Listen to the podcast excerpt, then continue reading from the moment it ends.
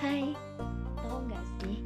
Terkadang diri kita ini butuh yang namanya ruang bebas. Ya, bebas untuk bercerita tentang apa saja. Tidak peduli penting atau tidaknya. Asalkan kita merasa lega dan bebas dengan batas yang wajar. Lantas, kenapa tidak?